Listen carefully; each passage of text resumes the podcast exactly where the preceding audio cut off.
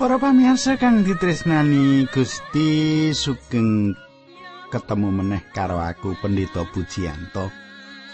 Kaya padatan aku bakal bebarengan karo panjenengan ngancani panjenengan sawetara menit iki ana ing sajroning adicara margi utami adicara kang wis dadi kelangenan panjenengan. Kepiye kabare panjenengan ana ing patemon iki? Apa panjenengan sehat kabeh? Panjenengan diberkahi Gusti Allah pamujiku marang Gusti tumrap panjenengan pancen kaya mengkono kuwi.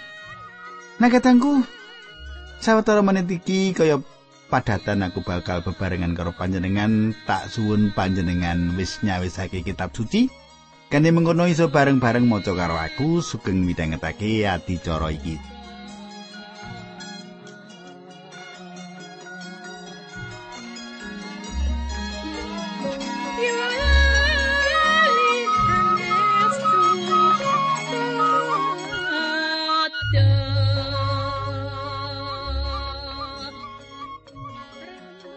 Para pamirsa, apa panjenengan isi kelingan apa sing ndak andharake nalika kita ketemu ing dina kepungkur? Ing patemon kita kepungkur, kita wis nyemak Musa njlentrehake gegayutan karo angger-anggering Torat marang turunan nom bangsa Israel mengkono ya. Iji kelingan panjenengan. Nah, sebanjure bakal tak terusake ana ing patemon iki nanging sadurunge tak terusake kita perlu ndedonga dhisik supaya Gusti Allah mitulungi kita. Panjenengan uga tak jaluk ndongake sawijining warga pasamuan ing gerejaku kang jenenge Ibu Foni. Wi loro ing paru-parune ana tumore nake wingi wis dipriksa dibiopsi lan tibake kanker ya, kanker sing cilik-cilik small kanker apa-apa ngono ya sendak ngerti aku ning kuwi ganas banget. Dongake anak-anake sing telu sing urung mentas lan bapake wis sedo wah susah banget ya. Kita tungake bareng-bareng dina iki. Duh Kanjeng Rama ing swarga ingkang dados sambat sebut kawula lintun kalian dalu wonten ing asmanipun Gusti Yesus. Kawula ndongaken sederek foni Gusti Yesus ingkang sakit kanker paru-paru. Kawula mboten sakit menapa-menapa kajawi Gusti Yesus piyambak ingkang kanthi panguwas paduka nyarasaken sederek menika. Ugi menawi panci menika wonten ingkang mirengaken program menika lan nggadahi sakit penyakit lan kawula nyuwun kanthi asmanipun Gusti Yesus supados sakit penyakit menika paduka sarasaken selaras iman kapiyandelanipun. Linambaran asmanipun Gusti Yesus Kristus kawula ndedonga haleluya amin.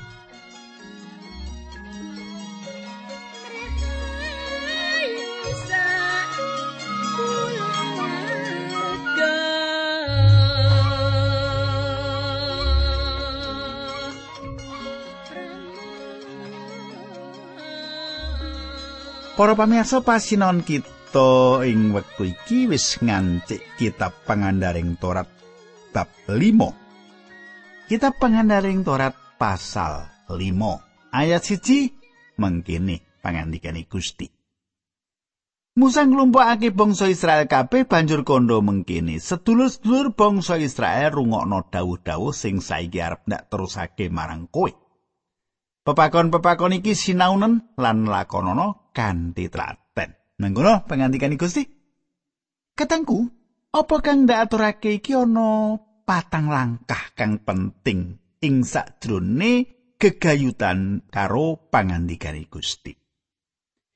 Patang langkah kuwi ya kuwi kang sepisan ngrungokake. Kaping pindho nyinau pangandikan kuwi kanggo mengerti, mangerti ngerti apa kang dingendikake Gusti Allah. Kaping telu ngrumat pangandikan iku lire yaiku nyimpen pangandikane Gusti ana ing sajroning ati panjenengan. Panjenengan eling kepiye Daud kondo gegayutan karo fakta iki dawuh paduka kawula simpening manah supados kawula mboten damel dosa dhateng paduka. Mazmur 119 ayat 11. Kaping papat nindakake pangandikan mau. Pangandikane Gusti Allah iki dudu mung kudu diapalake lan ora mung disimpen ing ati kita. Nang pangandikane Gusti iki kudu ditindakake. Pangandikane Gusti iki kudu ditindakake. Katengku akeh wong kang kondo yen wong-wong mau nindakake 10 pepak pepakon lan ya 10 pepakon kuwi kang dadi agamane. Pancen wong-wong mau wis ngrungokake lan duwe pikiran yen perkara iku apik. Nanging emane wong-wong mau ora nindakake pangandikan mau lan ora bangun turut marang pangandikan mau. Angger-anggering Torat dikaya pangilon kang diadepake ana ing atine panjenengan. Angger-angger Torat sawijining lampune ngarep mobil kang nuduhake dalan mlebu ing pepeteng lan nuduhake enggo-enggoan kang ana ing ngarep. Gusti Allah meratelake kanthi cetha yen panjenengane ora nyelametake wong awit wong mau nindakake sawijining paugeran moral. Ora ana lupute karo angger-angger moral, angger-angger Torat, nanging kita ana sawijining perkara kang luput banget ing kita. Paulus meratelake ana ing Galatia lorat 16, nanging kita inggih mangertos bilih anggenipun tiang karukunaken kalian Gusti Allah menika namung landesan pitados dhateng Gusti Yesus Kristus. Mboten landesan Torat. Kita mangkatan ugi ngen kita pitados dhateng Gusti Yesus Kristus menika supados kita karukunaken kalian Gusti Allah lantaran pitados kita wau. Lan mboten landesan anggen kita netepi angger-anggering Torat. Sebab mboten wonten tiyang ingkang karukunaken kalian Gusti Allah landesan anggenipun netepi angger-anggering Torat. Katengku ora ana wong siji wae kang dibenerake dening angger-anggering Torat. Kenapa? Awit ora ana wong siji wae kang bisa nindakake apa kang tinulis ana ing sajroning angger-anggering Torat. Katengku yen mengkono maksude angger-anggering Torat kuwi apa? Torat kuwi kaparingake supaya nuduhake panerak-panerak kita. Torat kuwi gunane mung tekan sarawe turune Abraham sing kasebut ana ing perjanjian. Ya kuwi sing wenang nampani janji mau. Toret mau diparingake lumantar malaikat-malaikat marang Nabi Musa sing dadi pantoro. Galatia telu ayat 19. Jawabane yaiku yen angger-angger iku ditambahake demi panerak nganti turune iku teko. Angger-angger iku asipat sawetara nganti putra iku rawuh lan putra iku yaiku Sang Kristus. Semak Galatia telu ayat palikur nganti selawi. Turunan ning kene ya kuwi Sang Putra. Ayat palikur. Dadi angger-angger turat kuwi tugase nguasani kita nganti sarawi Sang Kristus. Supaya kita karukunake karo Gusti Allah mergo saka percaya kita mau. Saiki bareng wong-wong padha percaya karo Sang Kristus, angger-angger turat wis ora ana paedahe tumrap kita. Kadangku, tujuan saka angger-anggering Torat yaiku ngatonake marang kita kabutuhan kita gegayutan karo Sang Juru Slamet. Angger-anggering Torat meratelake penggali Allah. Angger-anggering Torat mbeberake kaya ngopo aduwe panjenengan lan aku saka kaluhurane Allah. Angger-anggering Torat mbeberake yen kabeh wis padha gawe dosa. Lan adoh karo Gusti Allah sing dadi etuing keslametane. Panjenengan bisa semak Rum telu ayat likur. Panjenengan papanake angger-angger Torat iki ing urip panjenengan lan karepen angger-angger kuwi nuntun panjenengan marang Sang Kristus. Saiki pangandaring Torat bab 5 ayat loro lan telu. Ing Gunung Sinai Gusti Allah wis nganakake perjanjian. Ora mung karo para leluhur wae, nanging uga karo kita kabeh sing isih urip tekan seprene. Kadangku Gusti Allah ora maringake angger-anggering Torat marang wong Israel nalika wong Israel ana ing Mesir. Angger-anggering Torat ora diparingake sadurunge wong Israel ana ing ora-ora samening Horeb yaiku Gunung Sinai. Angger-anggering Torat diparingake marang bangsa Israel. Ayat 456 Ing dhuwur gunung mau Gusti Allah ngendika saka ing tengahing geni adu arep karo kowe. Nalika semono aku ngadeg dadi panengah antarané Allah lan kowe supaya nglantarake dawuhe Gusti Allah marang kowe merga kowe dhewe padha wedi karo geni kuwi lan ora gelem munggah ing gunung. Pangandikane Gusti Allah mengkene. Aku iki pangeran Allahmu sing mbebasake kowe saka ing tanah Mesir, panggonanmu dek kowe dadi batur tukon. Panjenengan semak Israel ana ing sadroning manembah marang Braula nalika wong-wong mau manggon ana ing Mesir lan Israel urip ing jaman manembah marang brahala. Ayat pitu, kowe ora kena duweni utawa nyembah marang Allah liyane sing kok sembah kudu mung pangeran Allahmu. Katangku, dosa kawitan manungsa dudu dadi wong kang ora percaya Gusti utawa ateis. Dosane manungsa yaiku dadi wong kang manembah marang akeh Gusti, politeis. Kanggone wong-wong kang manembah marang akeh Allah, Gusti Allah paring pangandikan aja padha duweni Allah liyane kejaba aku. Lagi nalika jaman pemerintahane Daud kapercayan ora ana Gusti Allah wis mlebu utawa ateis kuwi mlebu. Sadurunge manungsa banget dening cerak karo pratelane Allah kanthi mengkono angel wong dadi wong kang ora percaya karo Gusti Allah utawa ateis. pratelani Gusti Allah isih ana ing pikiran wong-wong mau lan ora ana wong siji wae kang nyelaki kaanane Allah. Ing jamane Daud wong bodho kandha ing sakjroning atine Allah kuwi ora ana. Tembung bodho uga teges ora waras. Wong kang kandha yen ora ana Allah iku wong kang ora waras. Kejaba kuwi wong mau ora jujur. Jelas ya? nek jenengan kondo ora ana Allah niku jenengan disebut wong bodho utawa kasare jenengan kalbu wong ora waras ora seneng ya diaraki wong ora waras nek kepengin ora seneng diaraki ora waras nek kepengin seneng diaraki wong waras ya kuwi kudu percaya karo Gusti Allah ngono lho nggih saiki ayat 8 tekan 10 pangandaring turat bab 5 Kowe ora kena gawe reca. Niru barang kang ana ing langit utawa barang sing ana ing bumi utawa barang sing ana ing banyu sak ngisoring bumi. Aja nyembah sujud utawa ngabekti marang reca mergo aku Allahmu Allah sing butarepan. Aku bakal ngukum wong sing sengit marang aku uga anak turune sing ping telu lan ping pat. Nanging aku melasi marang wong maewewu anak turune wong sing tresno marang aku lan nglakoni dawuh. Kadangku ana rong jinis manungsa ing jagat iki, wong-wong kang sengit marang Allah lan wong-wong kang tresnani panjenengani. Gusti Allah mbeberake nalika panjenengani nglarang wong Israel supaya ora gawe apa kang memper karo apa wae kang bisa disembah. Sebanjure Gusti Allah ngendika tresno marang pangeran Allahmu kelawan gumolong ing atimu, kelawan gumolong ing nyawamu lan kelawan sakatoking kekuatanmu. panjenengan bisa semak pengandaring Torat bab 6 ayat 5. Gusti Yesus ngendika yen pangandikan iki sawijining angger-angger kang paling gedhe.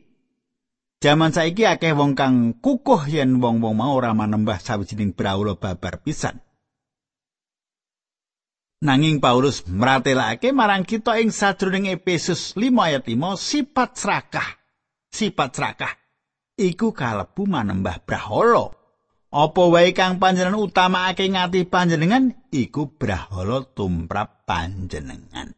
Ngerti ya? Nek panjenengan gaweane main judi, nah iku ya brahala wisan.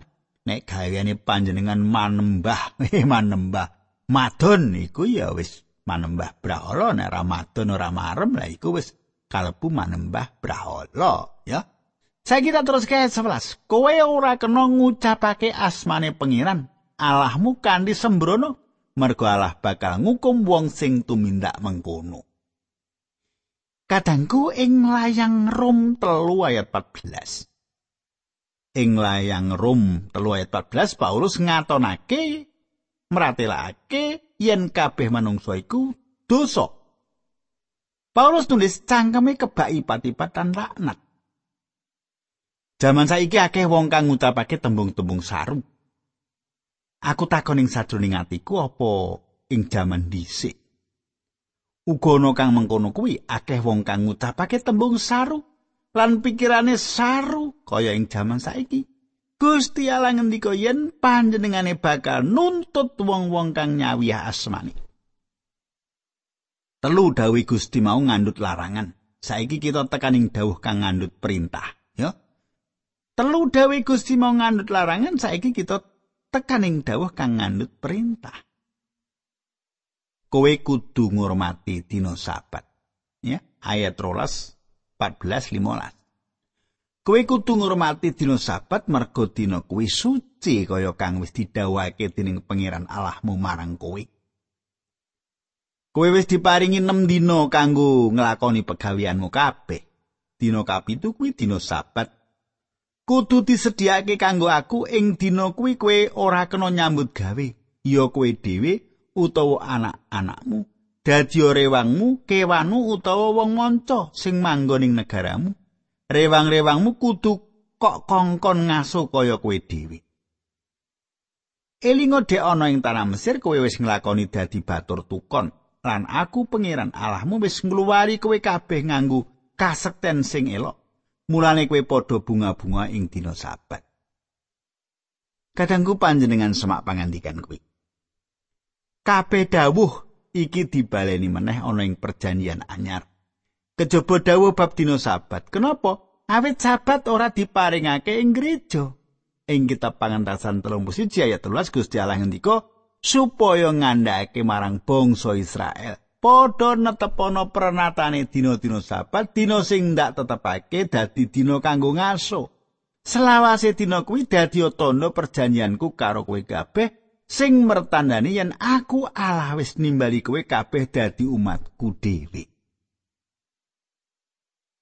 dina sabat diparingake marang wong Israel ing sajroning pangentasan bab 20 anak-anak Israel didhawuhi supaya nindakake sabat awet ing sadroning nem dina Gusti Allah nitahake langit lan bumi.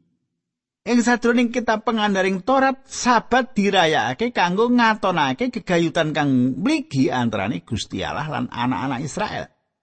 Kenapa bangsa Israel kudu njaga dina sabat? Awit wong Israel tau nglakoni dadi batur tukon ing Mesir lan Gusti Allah wis nuntun wong Israel iki metu saka kono kanthi pangwasa kang ngidapi-dapi. dawuh-dawuh iki digayutake karo kewajibane marang Gusti Allah. Saiki kita tekan perangan kang ana gegayutane karo kewajibane manungsa. Pengandaring surat 5 ayat 16. Kowe kudu ngajeni bapak lan ibumu kaya dawuh pangeran Allahmu supaya uripmu slamet lan umurmu dawa ing tanah sing bakal diparingake marang kowe. Kadangku bapak lan ibu ngganteni kalungguhane Allah marang bocah cilik kang lagi tuwuh. Amsal 1 He anakku, rungokno piwulange bapakmu lan aja ninggal pituture ibumu. Bapak lan ibu kudu ngganteni kalungguhane Gusti Allah nalika bocah-bocah isih cilik. Bocah-bocah kudu ngajeni bapak lan ibune.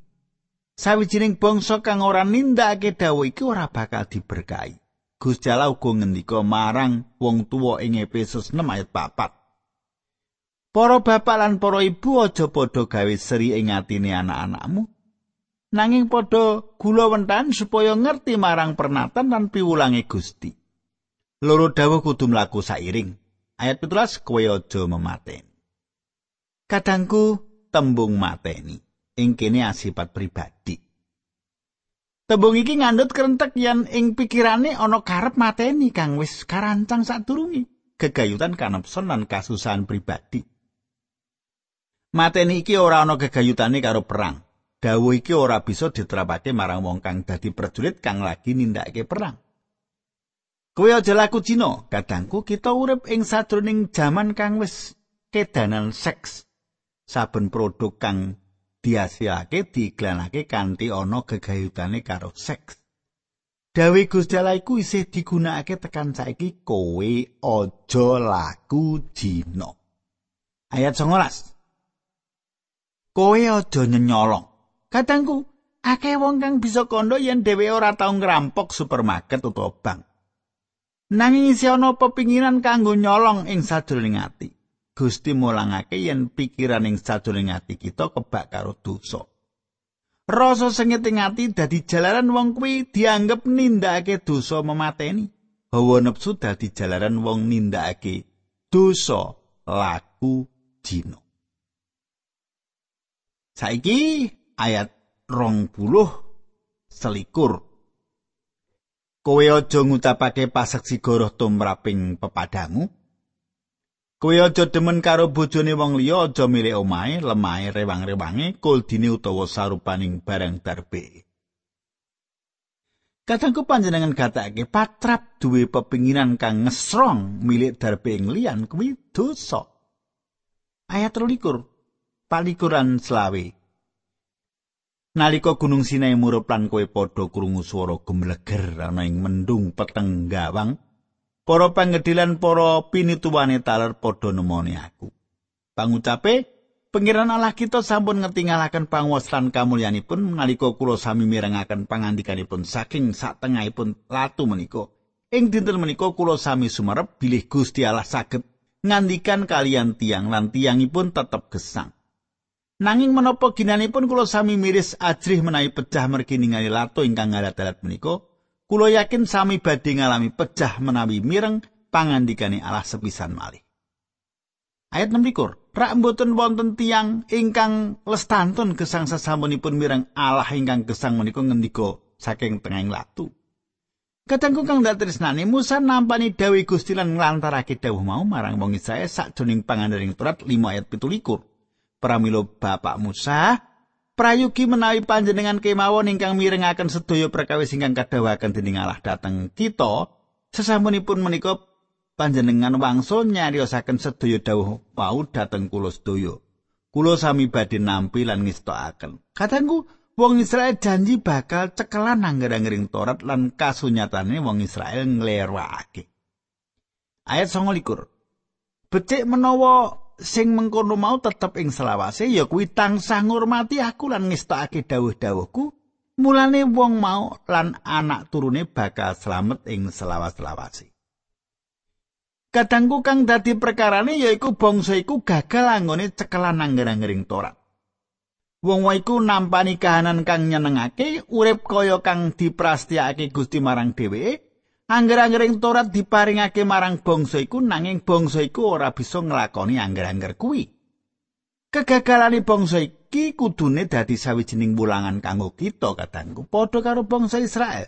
Ora bisa nindakake angger-angger kuwi, semono aku lan panjenengan ora bisa nindakake angger-anggering Torat kuwi. Angger-anggering Torat kuwi dikaya sawijining pangilon kang diadepake marang kita. Kita kudu ndeleng marang pangilon kuwi lan pangilon kuwi bakal mbeberake marang kita yen kita iki wong-wong kang dosa. Pangilon kang ana ing kamar mandi bakal nuduhake ndelemok rereget kang ana ing praupan kita nang pangilon iku ora bisa ngumbah praupan kita supaya dadi resik. Kita kudu golek baskom kang ana banyune ngraupi praupan kita. Angger-anggering Torat iku pangilon secara ora langsung kang meratelake marang kita supaya kita wiwit ngresiki awak kita. Angger-angger Torat merintahke kita supaya suwan marang Sang Kristus, rah Gusti Yesus Kristus putra Allah kang bakal nyucakake kita lan jangkung kita tetep resik saka kabeh dosa. Kadangku kang penting dudu apa panjenengan sarujuk babagan 10 papakone Allah utawa kepriye nggon panjenengan ngegilut kegayutan perkara iki. Piktakon kang penting yaiku apa panjenengan nindakake papakon kuwi apa ora. Menawa panjenengan jujur panjenengan percaya panjenengan ora bisa nggayuh apa kang wis ditetepake lire, panjenengan mesti mbutuhake sang juru selamat. Gusti Allah ngendika, "Ayo. Prakara iki kita beresake senadan dosamu abang kaya jinggo bakal padha dadi putih kaya salju. Senadan abang kaya glugo bakal padha putih kaya kapas." Yesaya 1 ayat 18. Nalika panjenengan sowan marang Sang Kristus, panjenengan ngapura dosa-dosa panjenengan lan nyucakake panjenengan saka kabeh anggone panjenengan ora bener, sebanjure panjenengan bakal jumeneng ana ing ngarsane tondo dremaan dosa ilang babar blas. Katangku kang dak tresani kepiye? Teruse apa sing tak aturake iki ora bisa saiki awit wektune nek tak teruske ora nyandak ya. Nah, dina candhake panjenengan kudu bebarengan karo aku awit wulangan iki tambah dina tambah penting kanggo kawruh panjenengan secara kasukman utawa kawruh panjenengan babagan-babagan kitab suci. Ra tak urutake to, ya perjanjian anyar, perjanjian lawas, perjanjian anyar, perjanjian lawas, panjenengan iso nyemak lan iso sinau. Nah katangku ayo kita tumungkul kita ndedonga dhisik. Dukanyo Rama ing swarga kawula ngaturaken kuing panuwun menawi wekdal menika kawula saged tetunggilan kalian sedherek kawula. Patuko dipati kawula Gusti linembaran asmanipun Gusti Yesus Kristus kawula ndedonga haleluya amin.